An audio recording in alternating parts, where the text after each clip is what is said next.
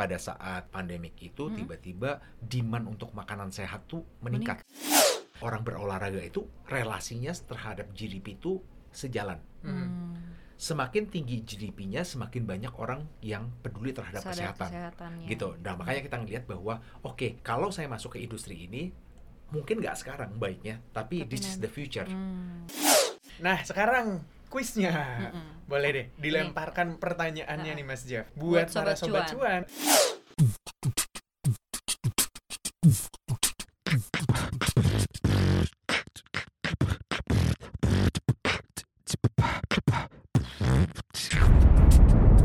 Cuap-cuap cuan. Halo Sobat Cuan, selamat hari Senin. Ada. Alin, ada Gibran. Ada Gibran juga. Hari ini, Mhm. di Senin ini ya, narsumnya siapa Kakak Gibran? Narsumnya tentunya ada Mas Jeff Budiman, CEO and founder Fitco. Tepuk tangan dulu. Yeay! Nah kalau Sobat Cuan Fitco tuh apa gitu ya? Nata de Coco atau apa? Bukan, Bukan Sobat Cuan. cuy, itu nanti melancarkan pencernaan.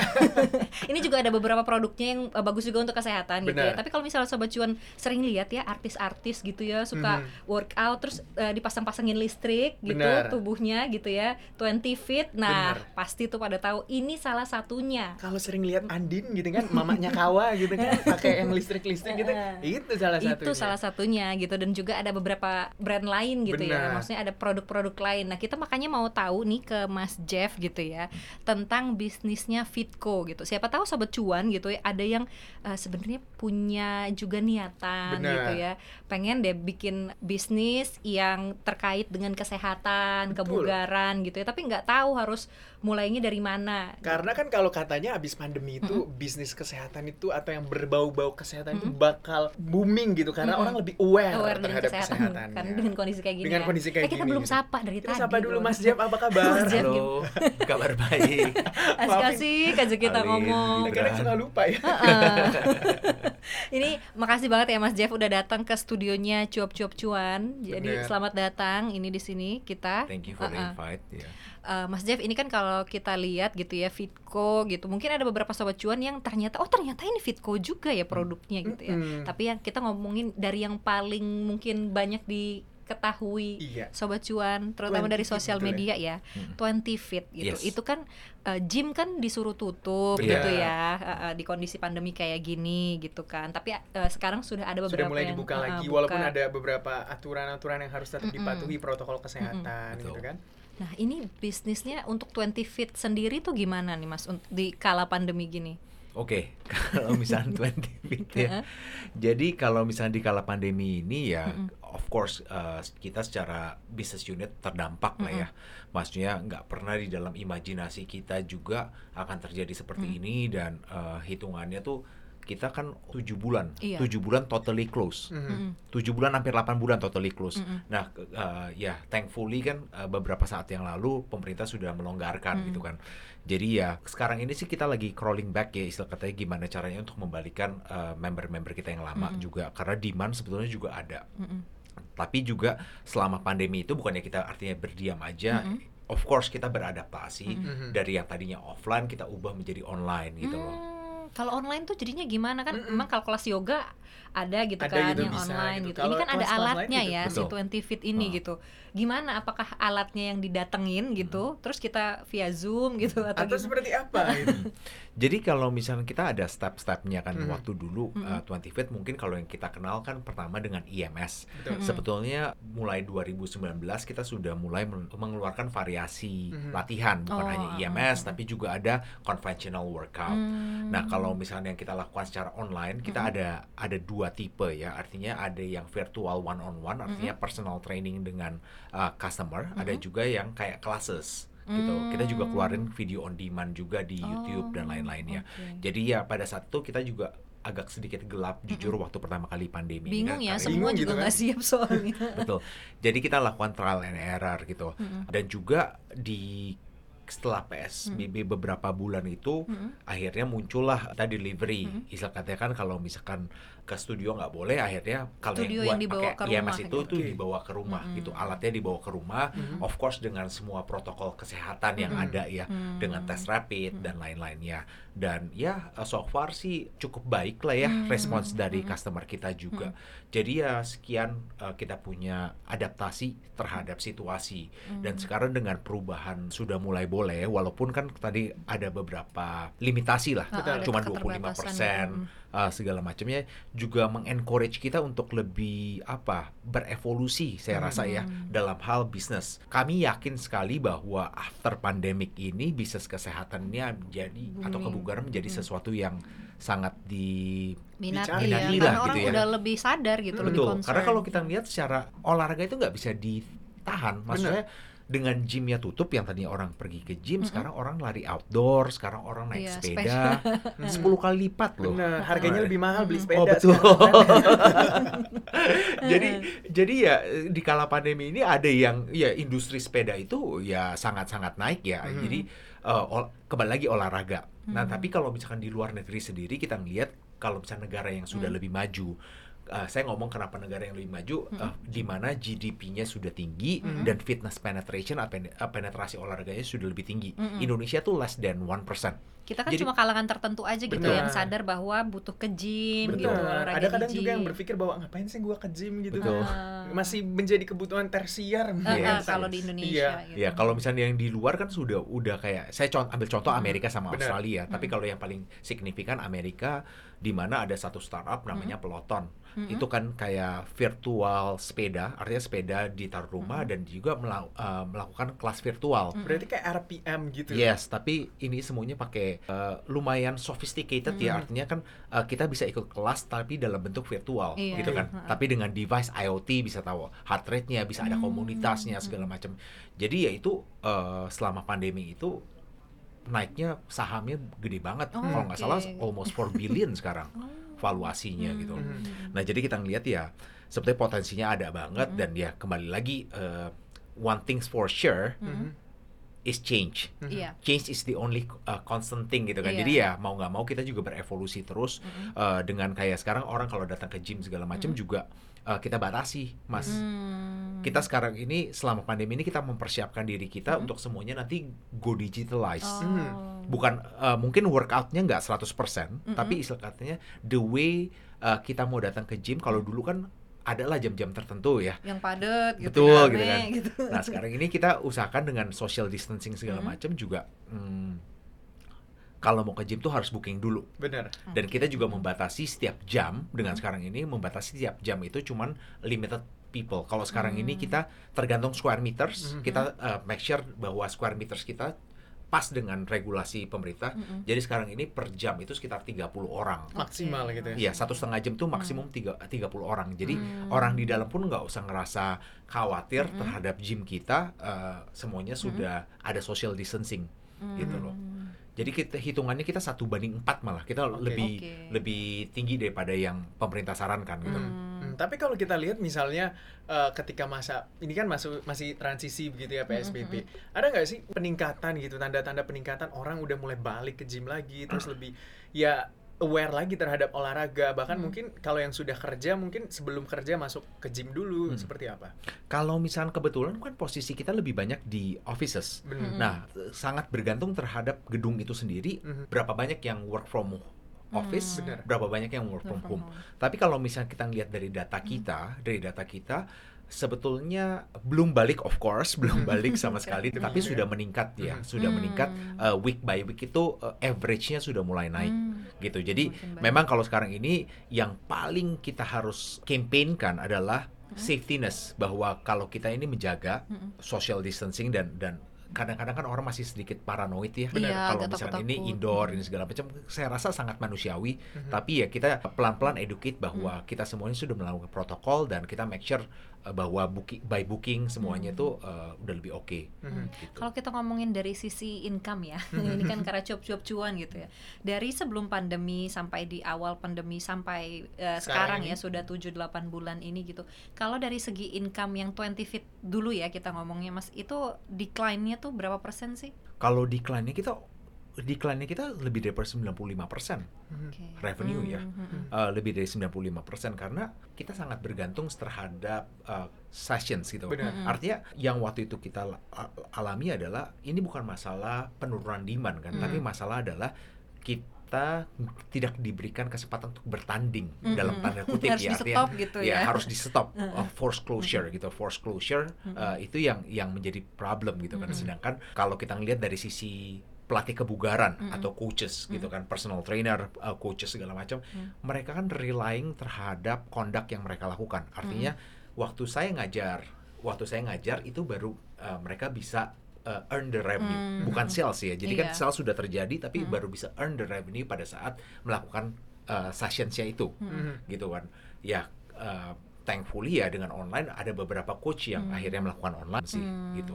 gitu ya. Berarti itu ya kita lihat ya uh, sobat cuan ya strateginya gitu pivoting uh, yang tadi memanfaatkan teknologi Benar. gitu ya jadinya dibawa ke rumah lah itu Hmm. peralatannya gitu dan juga ada sesi-sesi online gitu. Mhm. Itu kalau dari bisnis 20 Fit-nya. Betul Karena sobat cuan dan Bukan juga cuma Gibran bukan cuma itu 20 feet aja. aja punyanya gitu kan. Mas Tapi Jeff ini bukan cuma itu aja bisnisnya. Karena tadi seperti yang kita bilangnya Fitco. benar Fitco itu Uh-uh. di bawahnya banyak banget Banyak gitu kan banget. ada Coba 20 Gibran dan segala uh-uh, macamnya. bisa sebutin? Eh, yang pernah saya lihat gitu ujian daerah? Kuningan Uh, gitu. Itu uh. 20 feet project. Project, iya. Oke, itu kayak gym setiap aku Hmm. lewat-lewat Kuningan gitu kayak wah gede banget itu Mm-mm. di atas sebuah Hmm. gedung perkantoran. Wah, kayaknya nih gymnya seru gitu kan. Mm-mm. Kali-kali dikasih. kan tadi ada 20 Fit, kemudian juga ada makanan juga kan betul ya. benar. Fit gourmet Ah, fit Gourmet, gourmet, Fit terus udah gourmet. gitu ada yang uh, mie juga. ya uh, uh, namanya fit me Fit Me, kalau iya, misalnya itu sobat Fit juga masuk. Iya itu Iya, dia itu. yang Fit bisa anda.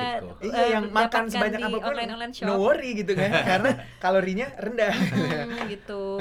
Itu sobat cuan ya dan juga uh, ada apa lagi Mas? Kita Uh, listing jadi kita ada fit shop juga. Jadi kalau fit shop itu di dalamnya itu kita ngejual alat-alat kesehatan, eh alat-alat olahraga dan juga karena pandemik ini ya istilah katanya kita juga akhirnya jadi jualan uh, snack Vitamin. sehat. Oh, Habis iya. itu juga kayak Oh. sayur-sayuran gitu-gitu. Oh. semua. Nah Oke. gitu kan, berarti kan banyak, nih Banyak, gitu. diversifikasinya lumayan, tapi benang merahnya tetap tentang kesehatan dan, Dan juga kebugaran kebugaran gitu kan. Kenapa kalau- gitu? mm-mm, Tertarik kenapa? gitu. Oke, kalau misalkan pertama kita mulai 20 fit, abis itu kita ngelihat juga di Indonesia ini kalau misalnya kita ngomong tentang wellness startup, mungkin Mhm. belum banyak yang mulai ya.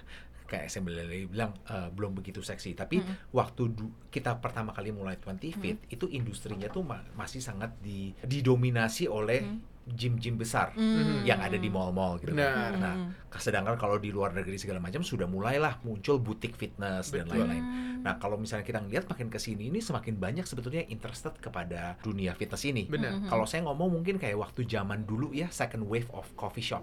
Oh, gitu kan. Sekarang ini kan iya, udah iya, udah banyak, dan banyak. semua orang mau jadi barista Di gitu kan. gitu. Barista is a cool job gitu loh. Nah, kalau kita ngelihat ini industri olahraga ini belum ke sana sedangkan di Hmm. luar negeri sudah. Coaches itu is a a highly regarded job Hmm. atau cool job gitu kan. Hmm, hmm, hmm. Nah, itu yang waktu dulu kita mau buat. Nah, kenapa akhirnya uh, 2019 tuh kita decide untuk kayak oke, kita bikin gitu. yang namanya Fitco atau Fit. Company. Uh, itu kita consolidate semuanya. Jadi kalau kita ngelihat bahwa uh, kebugaran itu bukan hanya dilihat Olahraganya dari doang, olahraga gitu. doang, tapi Mhm. juga uh, secara secara makanan juga Yes. Isi, gitu. Nah, jadi secara holistik lah ya. Benar. Dan kita punya tujuan itu selalu identik ya, maaf. Mm-mm. Kalau misalnya olahraga itu identik dengan turun berat badan. Benar. Ya identiknya Iya, gitu kan. identiknya. Identiknya turun berat badan karena saya lagi mau turun berat badan Hmm. makanya saya olahraga. Kalau saya ngerasa kalau campaignnya seperti itu atau garis merahnya seperti itu itu nggak akan sustainable the business. Hmm. Nah, yang kita coba untuk Fitco ini adalah gimana caranya ini menjadi suatu lifestyle. Hmm. Gimana cara changing lifestyle orang Indonesia ini dengan pelan-pelan gitu kan. Mm-mm. Kenapa kita ada instant noodles tadi kan Mm-mm. ada Fit Me. Mm-mm. Nah, Fit Me tujuannya simple gitu. Gimana caranya mencoba mensubstitute makanan yang paling populer di dan Indonesia enak ya kan? Dan enak dan kan. menjadi Tapi sesuatu lebih yang sehat. yang lebih Sehat, sehat, gitu. tapi Benar. dengan rasa yang enak juga karena Mm-mm. Indonesia ini atau orang Indonesia ini di sekarang ini masih di stage-nya di mana Mm-mm. stage-nya itu mau hidup sehat tapi, Tapi- belum siap untuk eh, makan makanan sehat atau Uh-uh. yang benar-benar purely sehat lah. Masih Jadi mau masih cheating-cheating lah ya. betul, masih masih apa ya? Rasa itu masih number one. Mm-mm, Benar. betul gitu. betul Rasa itu masih number one. Makanya kenapa kita juga ngerasa kenapa akhirnya ada makanan fit gourmet dan Mm-mm. lain-lain. Eh, gimana sih caranya ngubah Mm-mm. makanan yang biasanya orang Indonesia suka, Mm-mm. ya, gurih dan lain-lain tapi sehat, lebih sehat lebih gitu. sehat lah, Mm-mm. healthier version. Mm-mm. Hmm. Karena untuk ngubah sesuatu itu kita nggak bisa ekstrim. Kalau ekstrim takutnya patah, Mm-mm, gitu kan. Jadi gimana caranya pelan-pelan kita tuntun ke gitu. arah yang lebih Baik oke gitu lah, ya. Mm-mm, lebih baik gitu. oke. Makanya kenapa muncul itu. Hmm, nah itu kan tadi kalau dari 20 fit gitu ya, yang fitnessnya gitu mungkin harus stop gitu. Tapi kan ini ada fit gourmet dan juga ada fit me gitu ya makanan-makanan sehat ini. Apakah jadinya ini bisa dibilang bukan substitusi juga sih, balancing gitu. Mhm. 20 fit decline gitu ya. Dan di makanan-makanannya ini gitu malah meningkat gitu Iya. ketika pandemi gini. Menarik Apa- karena kita ngomong berdasarkan data, Aha. penjualan Fit Me itu naiknya sekitar lebih dari dua kali lipat ya. Oke. Artinya di tahun lalu terhadap tahun ini. Mm-mm. Jadi pada saat pandemik itu Mm-mm. tiba-tiba demand untuk makanan sehat tuh meningkat, Mhm. wow. Gitu. Jadi kayak orang-orang udah mulai s- Aware. gitu. aware Mm. terhadap kesehatan gitu, tapi mulai paling simpel kan mungkin makanan Mm-mm. dan juga penjualan. Makanya kenapa kita pivot ke penjualan bahan-bahan baku Mm-mm. pada saat saya ngomong dua bulan pertama PSBB Mm-mm. itu jujur aja makanan kita yang fit gourmet itu menurun Mm-mm. karena kalau sebelumnya itu target kita kan lebih banyak offices jadi Mm-mm. kayak misalkan ke B2B ke kantor segala Mm-mm. macam itu Mm-mm. tiba-tiba kan turun Mm-mm. penjualannya dan juga kayak orang-orang dulu waktu dua bulan pertama kalau kita ingat-ingat ya semua orang tiba-tiba nggak mau pesan makanan Iya. dari luar. Masak Semua orang di masak. gitu Iya, ya. takut. makanya waktu itu kita munculin akhirnya ya udah deh kalau memang demandnya seperti Mm. itu kebetulan waktu itu kita punya inventory Mm-mm. inventory itu kita mulai dengan kita jual-jualin Oh. ternyata demandnya baik Oh, nah demandnya baik akhirnya kita continuous menjadi satu uh, bisnis lain Mm-mm. sendiri jadi uh, bukan berarti semua bisnis itu kita lakukan dengan pemikiran yang panjang enggak juga Ada sih kadang-kadang kita ngeliat oh pada saat ketidaksengajaan. krisis itu yang di depan mata Hmm. itu yang harus kita melangkah dulu Benar. gitu Hmm, gitu ya gitu tapi ini berarti bisa memanfaatkan kondisi gitu ya bisa dibilang gitu ya Mas Iya. Jeff ini dan Fitco gitu tipsnya mungkin ya eh, kan udah menjalani bisnis ini ada yang stuck gitu ternyata terus menemukan oh ternyata ada hal baru nih yang bisa jadi line bisnis baru kita gitu itu apa sih eh, tipsnya gitu Hmm.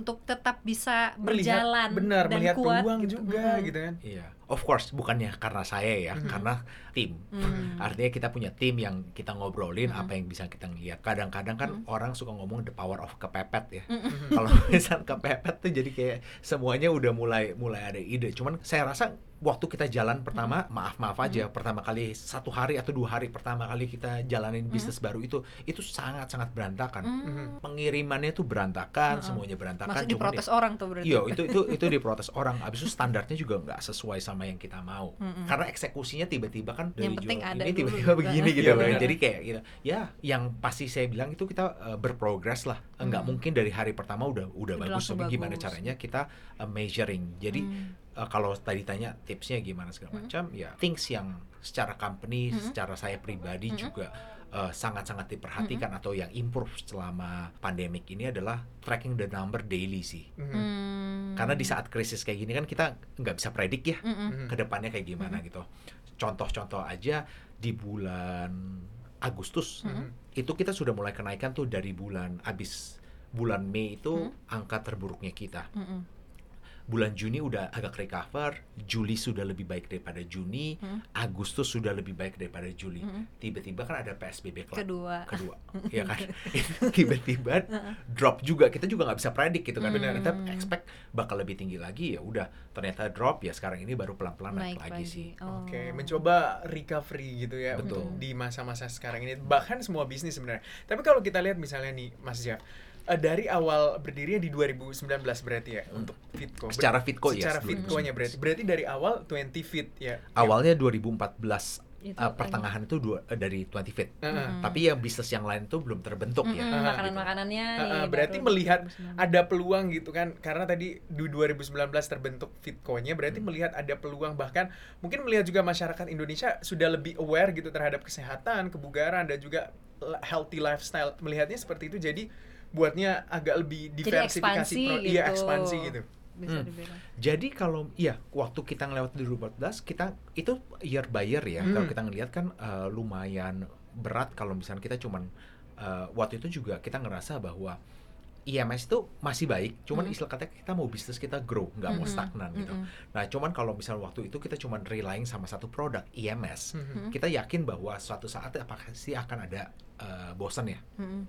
Eh, atau atau platonya. Nah, itu Mhm. segala macam makanya kenapa kita eh, mencoba untuk tes yang- testing lah, testing ini semuanya. Kalau nggak salah dari makanan, abis itu dari ke ke ke fit me juga, abis itu ke- baru kita berubah lah ya ke Mhm. semuanya. Dan kalau kita ngelihat logiknya kenapa sih ambil industri ini? Mm-mm. Kalau kita ngelihat dari luar eh, semuanya, satu hal yang saya percaya bahwa ekonomi Indonesia akan lebih baik. Mm. Makin hari makin baik Mm-mm. dan GDP kita akan makin hari makin ta- ah, makin tahun makin baik juga Mm-mm. gitu. Nah, orang menjaga kesehatan atau fitness penetration atau orang berolahraga itu relasinya terhadap GDP itu sejalan. Mm. Semakin tinggi GDP-nya, semakin banyak orang yang peduli terhadap Sadar kesehatan. Gitu. Nah, makanya kita ngelihat bahwa oke, kalau saya masuk ke industri ini mungkin nggak sekarang baiknya, tapi, Tapi this is the future. Mm. Nah, tapi future-nya ini mungkin ada orang kan yang tunggu deh, tunggu tunggu future-nya Mm-mm. udah mulai uh, Baru baik, masuk baru gitu. masuk gitu. Mm-mm. Atau yang mulanya kayak kita gitu, Mm-mm. scrapping dari benar-benar dari basic. Jadi Mm-mm. kita understand the the basic atau industrinya seperti apa gitu. Hmm, Jadi mau ini ya nyolong start lah ibaratnya. Benar, karena melihat oh masa Jadi depan ini pionir juga Benar, gitu. masa depan ini orang lebih aware terhadap kesehatan gitu. Jadi Uh-uh. kita harus mulai dari sekarang bisnis ini gitu kan. Betul. Jadi ke depan Mm-mm. ketika misalnya ada kompetitor, ya kita udah mulai Nama dari jauh-jauh hari gitu, uh, udah nama nama, kita udah gitu mulai ya, terkenal. udah. Tapi jujur awalnya melihat 20 Fit itu kan identik dalam tanda kutip biasanya artis-artis. Terus saya melihat pertama kali Mbak Andin Yes, gitu kan. Wah, ini olahraga apa? Ini kayaknya seru gitu kan pakai ada kabel-kabel dan juga Kabel listrik. Tapi gitu. awalnya gimana sih untuk bisa membumingkan, mendapatkan pasar begitu untuk 20 feet mungkin pada khususnya juga ya dengan menyasar pasarnya segmennya seperti apa gitu. Jadi saya juga masih belajar pada saat itu ya. Mhm. Eh, tapi kalau misalkan ditanya secretnya untuk booming apa, jujur aja nggak ada yang tahu. Mhm. Oh gitu. gitu nggak ada yang tahu lah eh, eh, booming apa eh, kita kita ngomong kita Mm-mm. ngomong eh, Mm. ini ya apakah tahun lalu ada yang nyangka bahwa sepeda akan booming Enggak Hmm. juga. nggak ada kan Iya. jadi kayak istilah katanya nggak kalau misalkan masalah booming atau enggak kita nggak tahu yang pasti mulai dari logic dulu aja ya istilah Mm. katanya bisnisnya itu kira-kira ke depannya bagus atau enggak Hmm. Eh, necessity atau enggak gitu kan Hmm. Eh, kalau kita ngerasa bahwa yang berhubungan sama perut kesehatan itu menjadi sesuatu yang sebetulnya ke depannya necessity gitu kan Iya. uh, basic. Nah kalau misalkan 20 feet waktu itu bisa boom juga itu kita ngomong itu ada bantuannya dari Tuhan lah. Itu itu Hmm. uh, pada saat itu ya, Mm-mm. pada saat itu kenapa kita bisa itu? Pada saat itu Instagram tuh baru masuk di Indonesia. Oh gitu. Ya kan?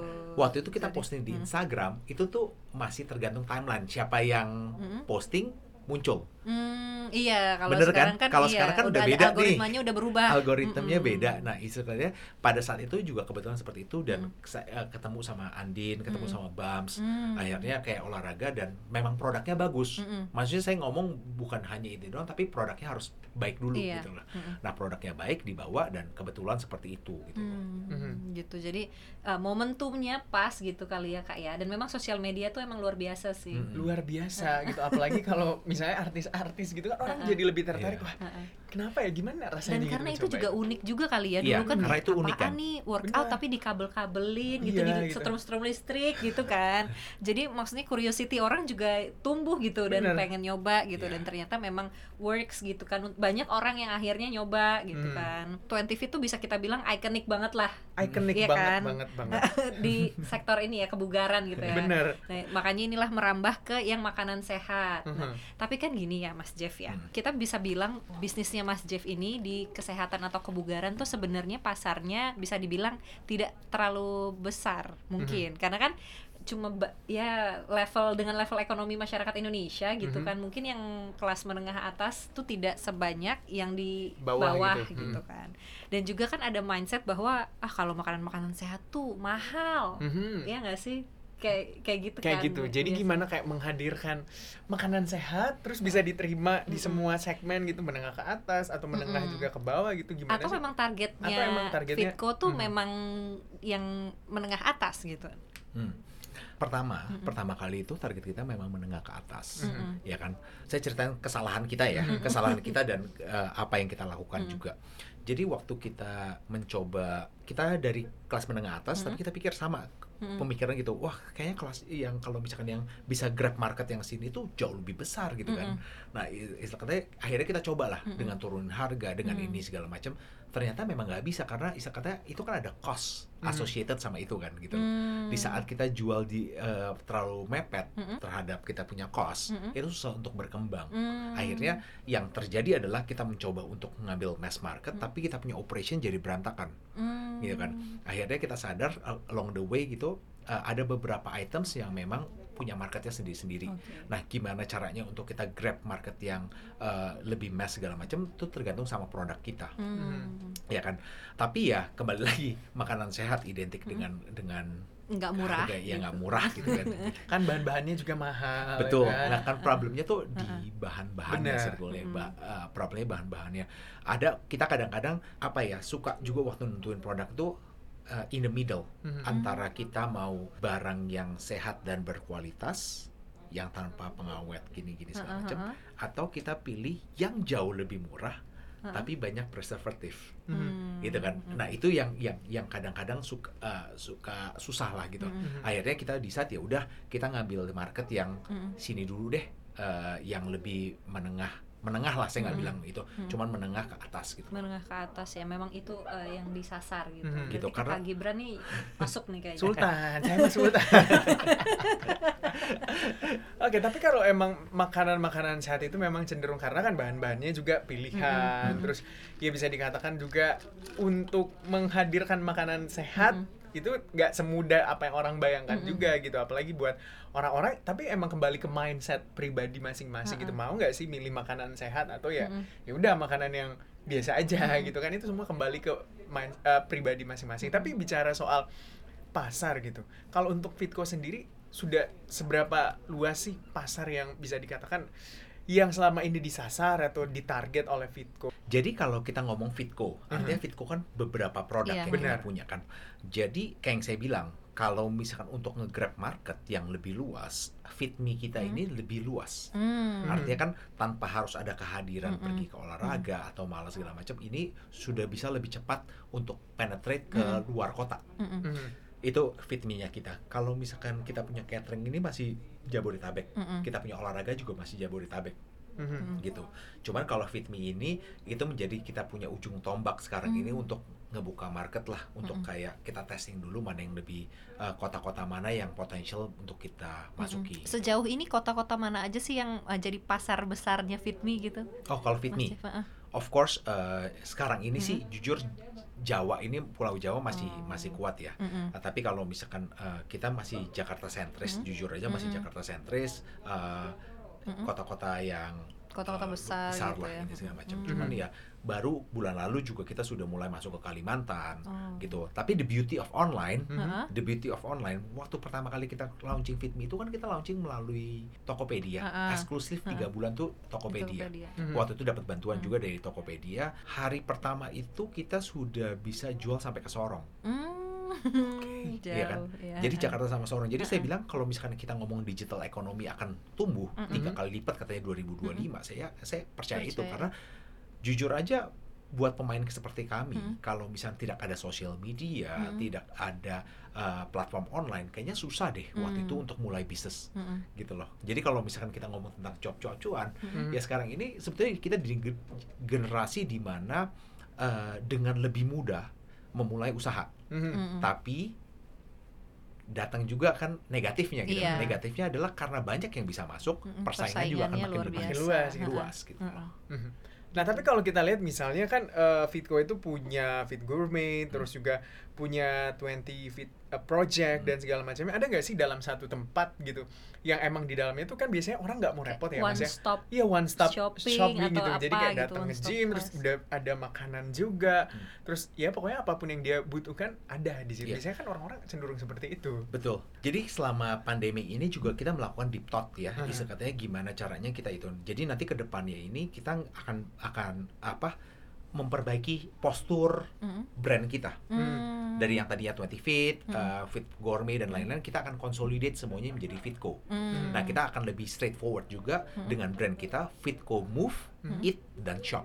Oh, Nah, kan nanti kalau misalnya kita ngeliat di setiap lokasi offline kita, Mm-mm. karena kita punya aplikasi namanya Fitco Indonesia, Mm-mm. website juga fitco.id. Nah, yang kita akan lakukan adalah gimana caranya experience online dan offline itu sama. Mm-mm. Jadi kalau eh, nanti datang ke 20 Fit Project atau sekarang nanti bakal jadi berubah jadi Fitco ya, Mm-mm. di misalnya di Jakarta itulah tadi Mas Di Gibran Kuningan, bilang lah ya. ya, di Kuningan Heeh. gitu kan. Datang situ akan lihat langsung ada restoran kita, Mm-mm. bisa beli makanan, Uh-huh. bisa belanja dan juga bisa olahraga. Oke. Mm. Jadi gimana caranya sekarang ini kita lagi on the way untuk membuat antara kalau misalnya waktu itu analogi saya adalah orang nonton bioskop sama popcorn. Benar. Hmm, Tidak hmm, bisa nggak dipisahkan. dipisahkan. Nah, gimana caranya makanan sehat dan olahraga ini Olahraga. menjadi satu platform? Karena sekarang ini kalau dulu kan masih kayak Makanan- gym, Heeh. olahraga. Mm-mm. Kalau Mas Gibran ini kan eh, angkatan gym yang udah udah lebih lama lah ya. Adalah kita masa-masa di mana eh, makan brokoli sama dada ayam kan. Betul kan? Gitu. itu hampir semua orang melewati masa Melewati itu itu, itu ah. awal-awal awal olahraga. Nah, ini gimana caranya di generasi yang lebih eh, lebih yang sekarang Sekarang. lebih kekinian ini bisa katanya eh, nggak usah melewati itu lagi gitu loh. Oh, Gimana karena udah- caranya bahwa makanan sehat itu bisa juga enak kok. enak kok bener. Apalagi kalau kita lihat orang-orang yang ini pe- pengalaman dan beberapa teman-teman itu lihatnya kan. Beberapa tuh yang ketika masuk gym terus kayak nggak mau pusing ah habis gym itu gue mau makan apa gitu. Maunya tuh kayak samping gue harus ada langsung gitu kan. Mm-mm, itu sebenarnya menjadi sebuah peluang bisnis juga. Bahkan Mm-mm. kalau saya lihat juga ada beberapa ya beberapa apa ya usaha-usaha juga yang menyediakan. Misalnya makanan sehat tapi dalam bentuk frozen and then abis itu bisa langsung masuk microwave itu kan orang lebih memudahkan Lebih itu apa berpikir juga kah ke arah sana untuk mengembangkan produk-produknya khususnya mungkin bagi makanan sehat ya karena orang-orang yang gym pasti nyasarnya juga makanan sehat gak mungkin Mm-mm. ya nggak sehat gitu. Iya, kita sih Itu rencana tetap ke berkembang depannya ya. Hmm. Tet- tetap mencari peluang seperti itu Mm. dan kita goes uh, Mm. along the way. Mm-mm. Nah sekarang ini kan kayak uh, kembali lagi kalau tadi analoginya eh, kopi Mm-mm. dulu itu kan orang-orang masih minumnya es teh. Kita kan ke mana-mana es teh. Sekarang ini kopi Kopi, menjadi sesuatu iya. yang very common di Indonesia gitu kan. Ke mana-mana kopi. Nah itu juga tergantung dari kadang-kadang bukan orang nggak mau makan sehat, Mhm. Tapi ini kayaknya apa namanya Susah akses Susah ke diakses, situ benar. heeh. susah diakses. Heeh. gitu. Benar-benar. Susah diakses. Kalau sekarang kayak kita kalau dulu kenapa orang nggak minum kopi gitu? Iya. Karena susah diakses Karena gitu kan. Sekarang kan.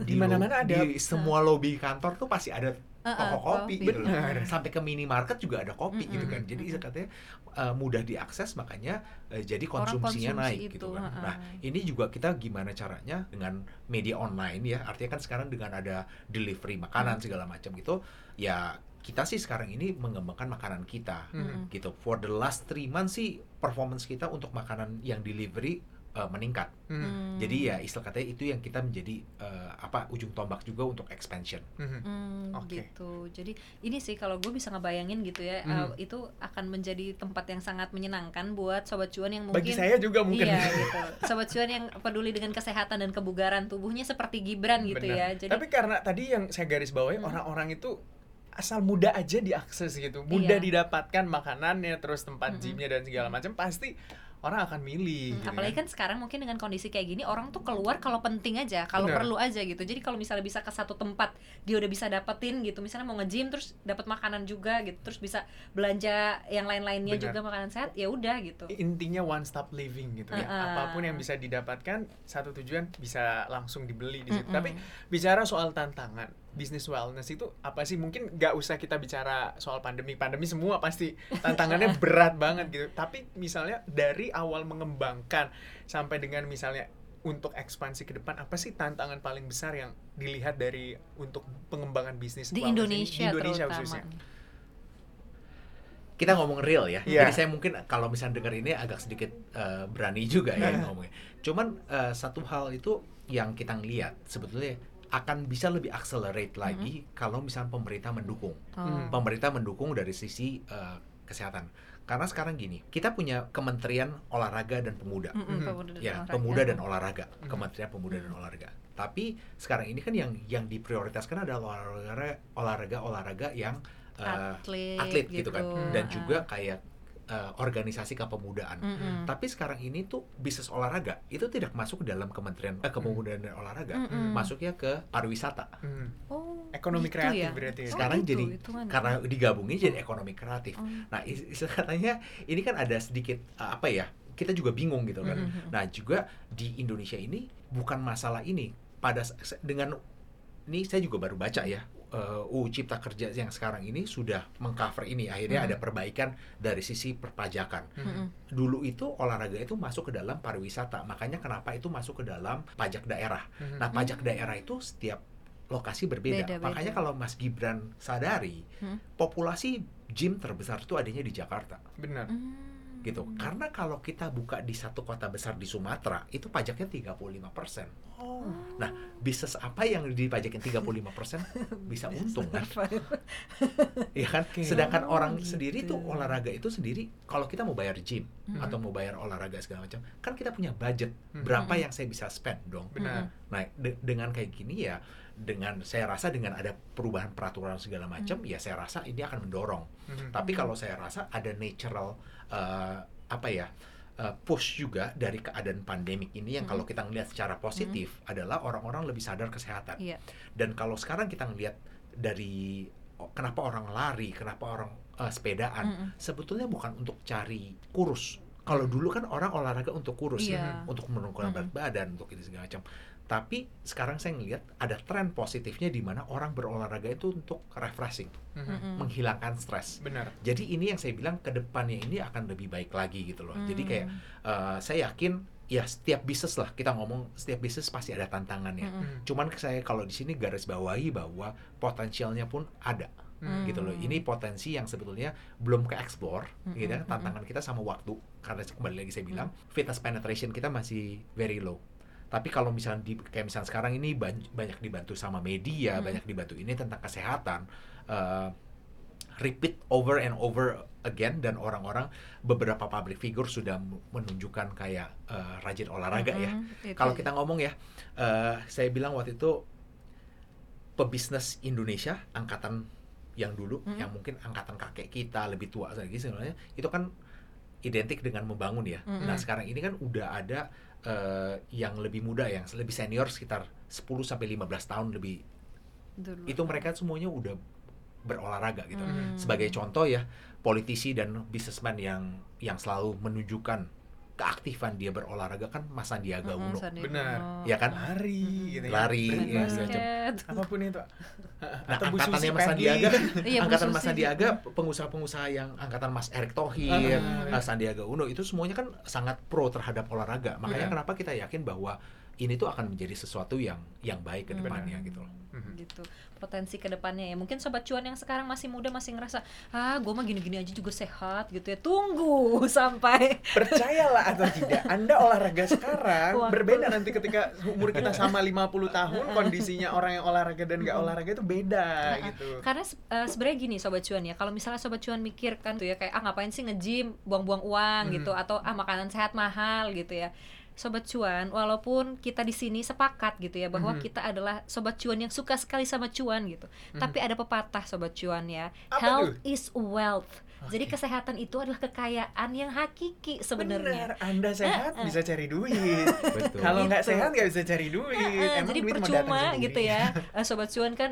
apa eh, investasi saham gitu Mhm. kan investasi di mana-mana returnnya banyak gitu duitnya banyak tapi kalau misalnya nggak sehat Returnnya dipakai kita buat eh, eh, berobat. bisa Dan bisa sebetulnya iya. ada ada fakta menarik ya. Oke, apa tuh? fakta Apa menarik terhadap kondisi COVID ini. Mhm. Eh, kita nggak bisa bilang bahwa dengan you rajin olahraga dan Mhm. makan sehat tuh nggak bisa kena COVID. Nggak. Betul. Semua orang bisa Benar. terpapar. Tapi Sehat perhatikan deh, semua yang rajin berolahraga, karena kita juga ada teman yang yang kena ya, Mm-mm. yang rajin berolahraga dan makan makanan Mhm. sehat, recover lebih cepat ya. lebih cepat. benar Mm-mm, betul Artinya dia kena ada ngalamin simptom, Mhm. tapi dalam waktu singkat tujuh hari dua minggu itu Mhm. semua sudah oke. Mm. Artinya apa ya? Dat dat risknya itu Mhm. Very low gitu. Benar. Jadi kita nggak bilang bahwa berolahraga dan makan sehat tuh jaminan you nggak bakal sakit ya. Mm. Mm-mm. Itu itu uh, Mm-mm, bohong gitu kan. Mm-mm. Tapi bahwa immune system kita tuh ud- udah biasa lebih untuk fight. kuat lebih gitu kuat gitu. lebih speed recovery-nya Yes. juga lebih cepat Mm-mm. gitu kan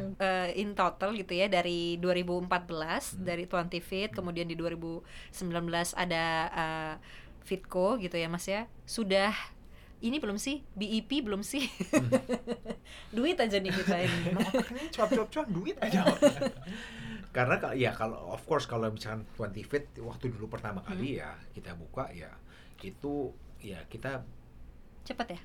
Karena kan waktu itu kan dibantu sama booming Ah, ya ah, jadi booming gitu ya. banget nah. Jadi ya eh, jujur pada saat itu 20 Fit ya tiga bulan atau enam bulan pertama tuh udah break even ya. Mhm. Wow, luar biasa. Di Gitu, tiga pada bulan- saat itu. pada saat itu. Pada saat itu untuk satu cabang. Wow. ya kan untuk satu cabang setelah itu baru kita expansion of Mhm. course dengan kita makin banyak expansion manajemen segala macam Ada juga, juga lagi. akhir- akhirnya ada Mhm. cost Mhm. tapi kan kita milih antara mau kecil Mhm. untung atau lebih besar True, lebih banyak impact untuk expansion gitu. Hmm, nah kita pilih yang kedua mm-mm. Oke. gitu walaupun banyak suka duka Tantangannya mah ada aja gitu Ada ya. aja benar-benar. Tapi itu luar biasa memang sih ya si 20 Fit itu ya gitu. Hmm. Tapi kalau yang Fitco ini berarti belum ya karena baru 2019 Iya, juga iya, dan iya. ada kondisi kayak Iya, gini betul, juga betul. gitu ya. Mhm. Jadi kita doakanlah semoga ini kan diversifikasi eh ini kan eh, bisnisnya udah diverse nih maksudnya Mhm. makanannya ada gitu kan dan eh, 20 Fitnya juga ada gitu macem-macem semoga aja eh, bisa cepet BIP Fitco. Iya. Tapi yang paling penting bisa cepat recovery juga Oh iya, dan recovery. kembali ke Mm-mm. posisi semula. Betul, dan juga tumbuh kesadaran di masyarakat Indonesia gitu Mhm. ya bahwa kesehatan itu penting. Nomor satu Nomor- ya. Mm-mm. Kalau yang nomor dua ya udah cari aja sendiri. Pokoknya kesehatan nomor satu. kesehatan gitu. nomor satu. Nah sekarang kuisnya. Mm-mm. Boleh deh dilemparkan pertanyaannya Ah. nih Mas Jeff. Buat Buat, Buat para sobat sobat cuan, gitu kan Oke. nanti dapat makanan sehat. dia dapat cuan juga ya iya. makanan sehat dengar podcast Dapat- dapat mie Bener. Kapan lagi gitu gratis lagi nih. Sobat, iya, boleh Mas Jeff? Apa Boleh, pertanyaannya dibuat sobat cuan yang ngedengerin episode kali ini?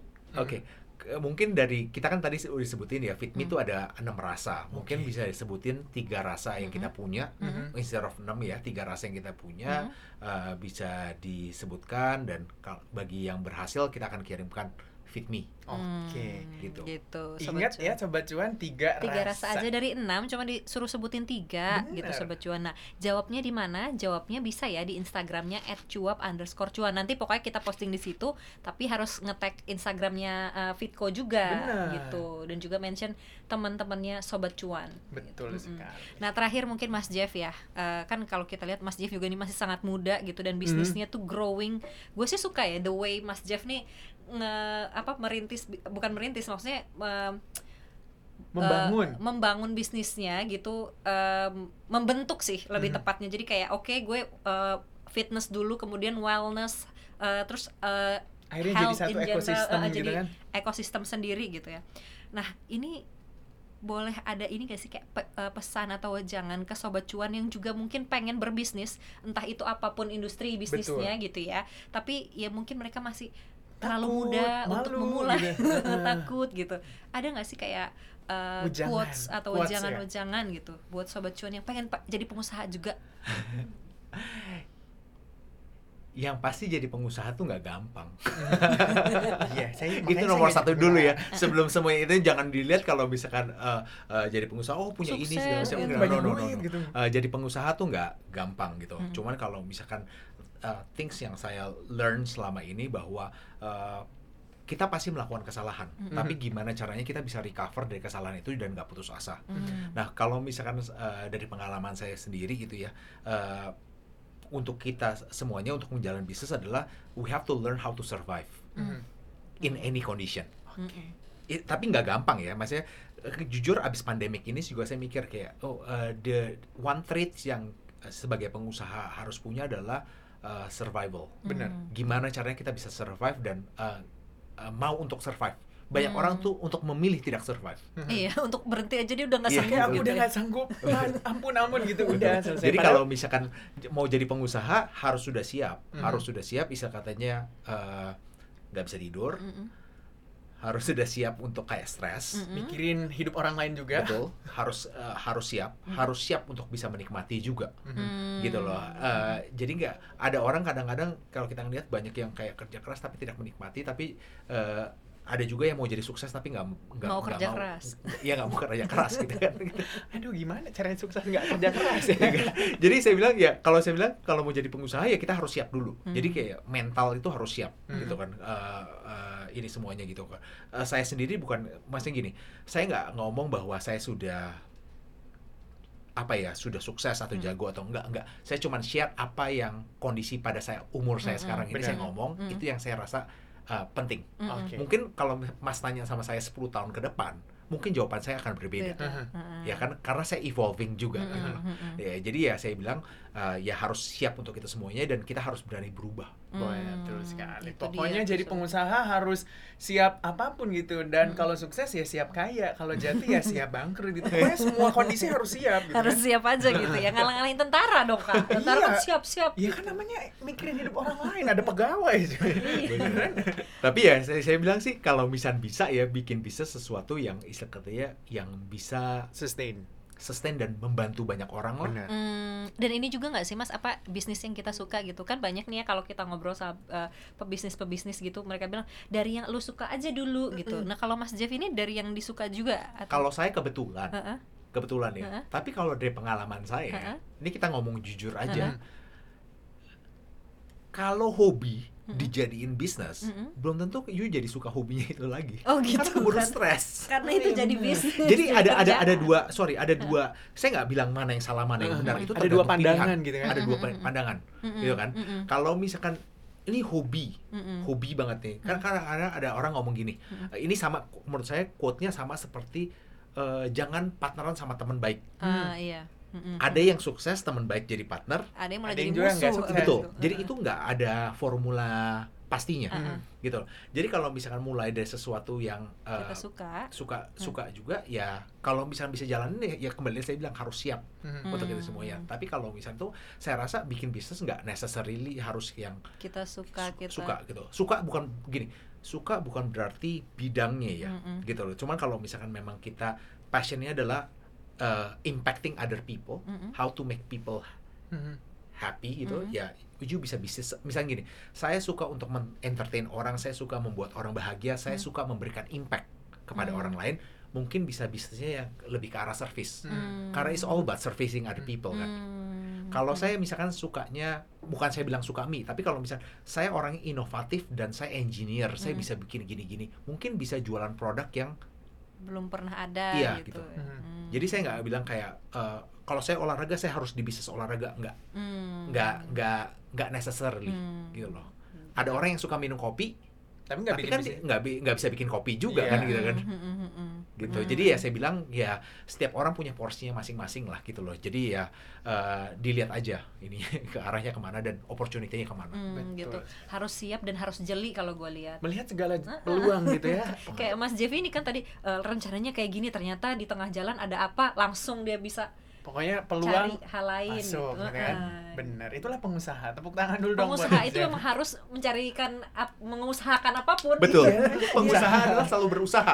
selalu berusaha gitu jadi harus survive lah gimana caranya gitu ya sobat cuan Mas Jeff terima kasih banyak eh, udah menyediakan waktunya ya ini udah sejam nih nggak kerasa kita bercuap-cuap di cuap-cuap cuan CNBC Indonesia Terima kasih juga sudah hadir Mas Jeff Budiman tentunya di studio Cuap Cuap Cuan. Mm-mm, Sobat Cuan juga terima kasih sudah mendengarkan. Semoga obrolan kita di hari ini gitu ya bisa membuka eh, cakrawala pengetahuan Sobat Cuan dan juga mungkin ada insight-insight yang terpercik gitu jadinya kayak oh iya nih gue mau kayak gini aja deh, gue mau kayak Hmm. gitu aja deh gitu. Karena kita eh, pengen mengedukasi dan menginspirasi Sobat Cuan gitu. Semoga tetap cuan ya sobat Mm-mm, cuan ya. Semoga tetap cuan. Oke, kita pamit dulu ya. Heeh, saya Alin. Saya Gibran. Saya Jeff Budiman. Dah. Thank you, bye.